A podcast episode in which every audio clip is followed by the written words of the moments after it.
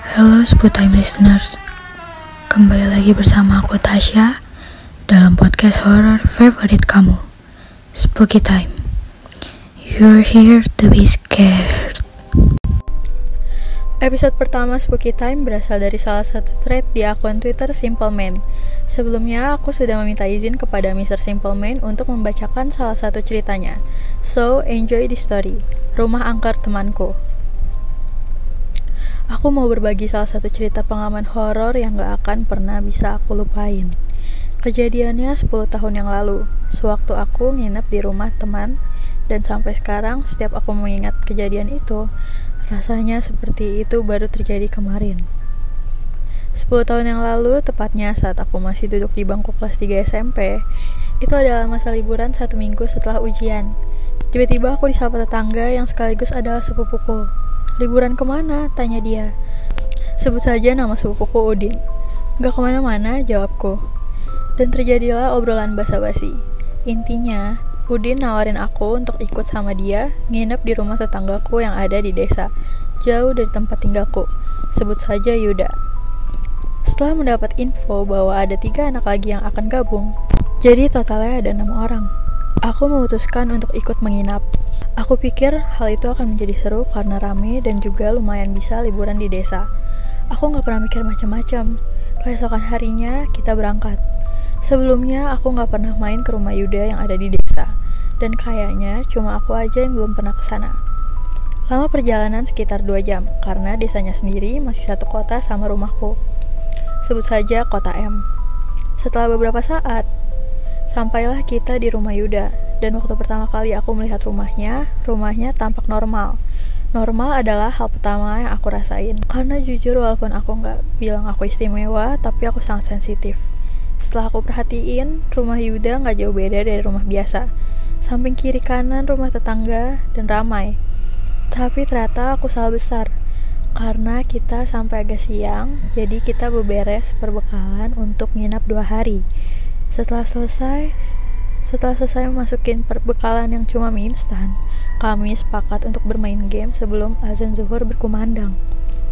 Yuda si pemilik rumah cuma berpesan satu, jangan buka pintu dapur. Waktu itu aku masih belum berpikir yang aneh-aneh. Oke, akhirnya kita bermain game Gitar Hero. Kami main bergantian dan dan dan tanpa sadar waktu cepat berlalu. Dan aku yang sadar cepat-cepat bilang, udah mau zuhur nih tapi namanya juga bocah mereka malah mak makin asik main. Sampai akhirnya ini adalah momen pertama kali aku merasa ada yang aneh di rumah ini. TV yang kita pakai buat main game tiba-tiba mati sendiri. Padahal kondisi lampu di kamar nyala. Aku sama yang lain cuma saling lihat satu sama lain. Kemudian hitungan ketiga kompak lari keluar rumah Walaupun sepele, tapi jantungku deg-degan kayak maling ayam yang hampir ketangkap digebukin warga. Aku melihat mata teman-temanku juga masih panik dan mereka saling bergumam satu sama lain. Tapi cuma aku yang kayaknya nggak ngerti sama apa yang mereka omongin.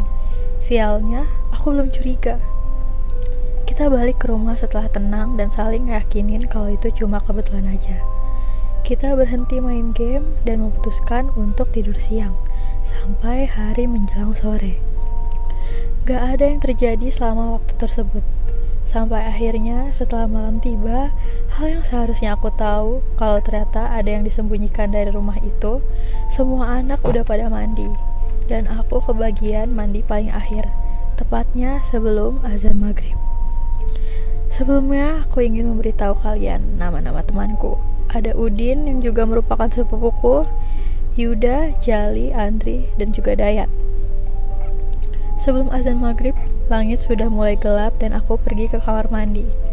Rumah ini terlihat seperti rumah biasa dari depan, tapi dari keseluruhan rumah, cuma dapur dan kamar mandi yang dibiarkan tetap kuno.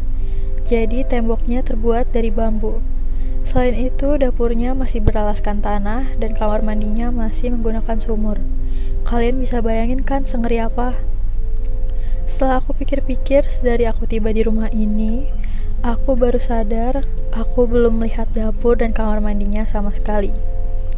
Setelah diberitahu di mana lokasi yang ternyata dapur dan kamar mandi ada di area yang sama, aku pun pergi. Tepat setelah aku buka pintu menuju dapur lalu kamar mandi, aku kaget karena di dapur yang super besar lengkap karena di dapur yang super besar, lengkap dengan tungku kayu bakar, ada sebuah ranjang kosong. Aku mencoba untuk tetap berpikir positif, karena emang gak aneh ada ranjang di dapur. Karena di rumah nenekku sendiri pun juga begitu. Di sini aku baru sadar, ada pintu di dekat lemari di ujung ruangan, dan aku sadar itu pintu yang diomongin Yuda. Pintunya terlihat aneh, kayak sengaja diganjal sama lemari dan kalau dilihat pintunya mengarah ke halaman belakang yang aku nggak tahu entah ada apa di sana.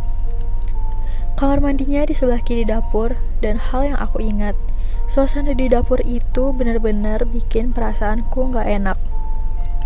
Ini pertama kalinya kesensitif ini pertama kalinya kesensitifanku main.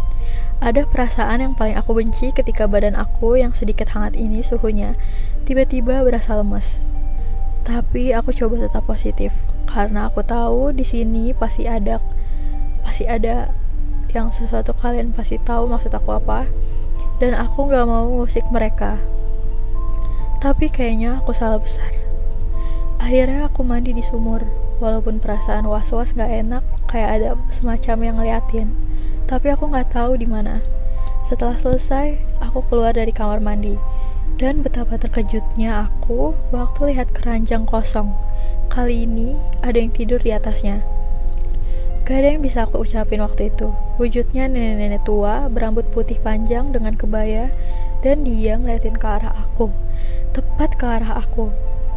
Dia cuma lihat sambil tiduran di atas ranjang itu. Matanya mengikuti ke mana aku jalan.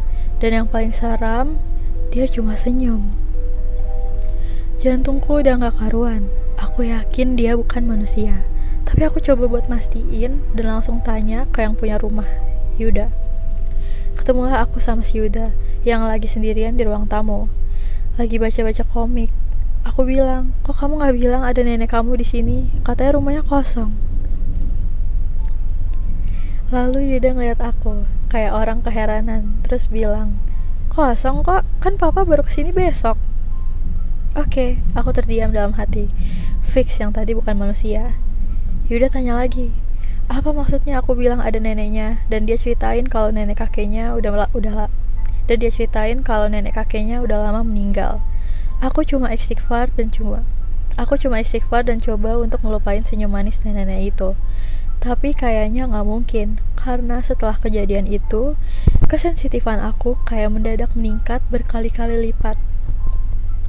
Yuda pergi ninggalin aku di ruang tamu. Sementara aku sendiri dengar sesuatu yang datangnya dari luar, tepatnya pohon jambu di depan rumah.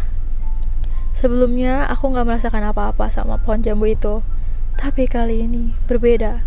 Aku mendekat ke jendela rumah dan mengamati apa yang ada di sana.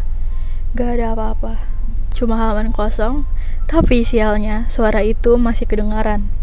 Suara seperti cewek yang sedang ketawa, tipis, nyaris pelan sekali suaranya dan apesnya mataku bergerak melihat ke atas pohon jambu.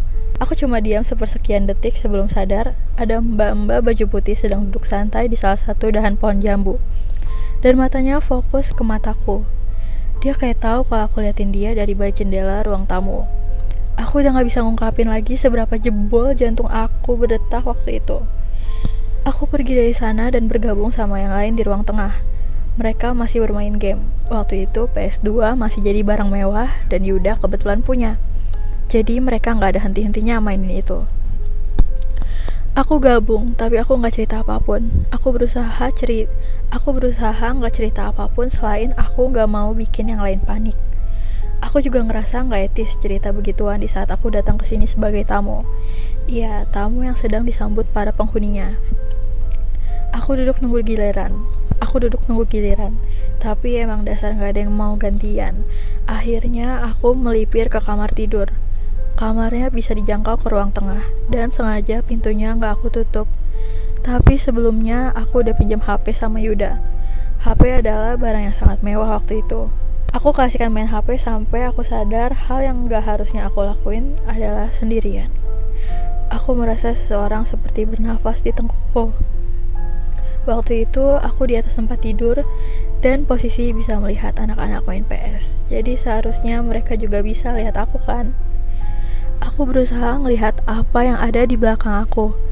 Dan aku bisa lihat nenek yang aku lihat di dapur tadi sekarang ada di belakangku, masih tersenyum memperhatikanku. Ini adalah momen menakutkan sekaligus awkward. Tetap aja kalau kalian bisa bayangin posisi aku, ketakutan gak bisa disembunyiin. Akhirnya aku cuma diam sambil ngeliatin dia. Gak ada rasa syukur yang bisa aku ucapin ketika Yuda masuk dan negur aku. Ketika Yuda datang, makhluk itu udah gak ada. Aku sangat lega. Tapi semuanya baru dimulai dari sekarang. Setelah kejadian di mana aku didatengin sama nenek-nenek di kamar itu, dan Yuda negur aku biar gabung sama yang lain, Tiba-tiba aku kebelet pipis. Ini bikin dilema banget. Gimana kalau aku didatengin nenek itu lagi? Mana kamar mandinya dekat dapur kan? Untungnya aku punya ide. Aku bilang, apa apa ada yang mau ke kamar mandi? Dijawab serempak kalau nggak ada yang mau. Tapi teman aku si Jali nyeletuk. Bukannya si Andri lagi ke kamar mandi ya? Mendengar itu, aku langsung nyusul ke kamar mandi, mumpung ada temennya. Begitu melewati pintu menuju dapur, aku kaget waktu Andri keluar dari sana, lengkap dengan mimik wajah yang pucat pasi. Udah balik, Andri, kata aku sambil nahan dia. Tapi cuma tapi dia cuma diam. Kemudian langsung ninggalin aku begitu aja. Karena kepalang tanggung, Andri juga pergi, aku memutuskan untuk lanjut pipis. Sekali lagi rasanya nggak enak banget. Aku perhatiin di atas ranjang nggak ada siapa-siapa. Begitupun nenek-nenek itu. Aku langsung buru-buru ke kamar mandi biar cepat. Terus langsung balik. Rencananya sih gitu. Tapi baru aku lepas celana pendek, bulu kuduku langsung berdiri. Rasanya benar-benar campur aduk. Aku tahu perasaan ini adalah perasaan kalau di sini pasti ada. Aku berusaha nggak mikirin itu, sampai aku dengar suara orang berdeham. Suaranya berat, sontak aku yang nggak bisa mikirin. Sontak aku yang coba Gak mikirin, akhirnya nyari sumber suara itu. Dan setelah lihat ke kiri kanan, aku gak dapetin apa-apa. Lalu aku baru sadar kalau sisi kamar mandi yang dari bambu itu tinggi. Pas aku nengok ke atas, astagfirullahaladzim, aku lihat bayangan hitam, gede banget, dan seolah-olah lagi ngawasin aku. Spontan aku langsung lari ngibrit. Waktu kabur, aku lewat dapur, dan sempat lirik ke atas ranjang yang masih kosong. Alhamdulillah nggak ada nenek-nenek itu aku nggak bisa bayangin lagi kalau misalnya setelah lihat yang begitu aku harus lihat yang lain juga jantungku benar-benar nggak sehat sementara ini aku langsung gabung sama yang lain. Kayaknya lagi san kayaknya lagi santai ngobrol. Aku perhatiin Andri cuma diem. Aku juga nggak mau bahas ini karena apa pun yang bikin Andri pucat aku udah tahu jawabannya. Kami ngobrol sampai jam setengah 12 berhubung udah larut kita sepakat untuk tidur. Kami nggak tidur di kamar, tapi di ruang tengah. Jadi kami pakai alas yang besar supaya kita berenam cukup untuk tidur. Sialnya aku dapat di ujung, di tempat yang paling dekat dengan jalur menuju dapur. Aku melihat ke langit-langit, sementara satu persatu temanku sudah pada tumbang. Sekitar jam setengah satu, aku masih terjaga. Aku udah berusaha untuk meram dan tidur, tapi ternyata malah tetap tapi ternyata malah tetap terjaga. Suasana sepi dengan kondisi lampu mati bikin aku gak tenang. Aku deg-degan karena kayaknya tinggal aku doang yang masih melek. Aku cuma berharap satu hal, gak lihat apa pun. Tapi kayaknya aku salah. Walaupun belum lihat apa pun, aku mulai merasa ada yang nyambut. Aku dengar suara langkah kaki. Suaranya kayak kecepuk kecepuk. Kalau kalian tahu ketika kaki basah menginjak lantai keramik. Iya, kayak gitu suaranya. Semakin lama, semakin sering aku dengar. Beberapa kali diikuti suara ketawa anak-anak. Aku pun berusaha untuk tetap nggak peduli, dan akhirnya suara itu hilang dengan sendirinya. Aku pikir udah aman, tapi kayaknya aku salah lagi. Baru sebentar aku memejamkan mata, aku ngerasa ada yang ganggu mukaku. Kayak ada entah apa yang kena mukaku dan itu rasanya nggak nyaman banget pas aku buka mata aku nggak tahu harus ngomong gimana muka nenek-nenek tepat menatap mukaku dari atas dengan kondisi rambutnya yang panjang dan ujungnya kena muka aku. Aku langsung istighfar. Ini adalah gangguan kesekian kalinya dari nenek ini. Tapi anehnya, semakin lama aku sadar di posisi ini, semakin aku sadar walaupun itu seram, tapi nenek ini gak pernah gangguin dalam hal kontak fisik. Aku baru sadar kalau dia cuma nampakin wujudnya doang. Selebihnya dia gak nyakitin aku kayak di film-film. Selama beberapa saat, aku biarin nenek ini ada di sebelahku dan ngeliatin aku dengan senyum seramnya. Kemudian terdengar suara pintu digedor-gedor. Serius, cara gedor pintunya itu kayak gak di, kayak nggak digedor oleh orang. Gak ada orang yang bisa gedor pintu dengan suara yang seharusnya bisa bangunin dua hingga tiga rumah tetangga. Tapi anehnya, cuma aku yang dengar. Karena gak ada satupun temanku yang bangun waktu suara itu terdengar jelas. Itu adalah kali pertama aku langsung berdiri waktu dengar. Suaranya berasal dari halaman belakang, yang setauku pintunya dikunci dan diganjal pakai lemari. Aku bangun, penasaran. Hal yang mendasar, hal mendasar yang manusiawi ketika mendengar sesuatu yang gak lazim. Aku bersiap pergi buat lihat, tapi sesuatu mengganjal kakiku. Dan ketika aku lihat, Nenek seram yang sedari tadi cuma merhatiin aku, nahan kaki aku. Aku kaget. Ini adalah pertama kalinya aku kontak fisik sama makhluk yang beda alam.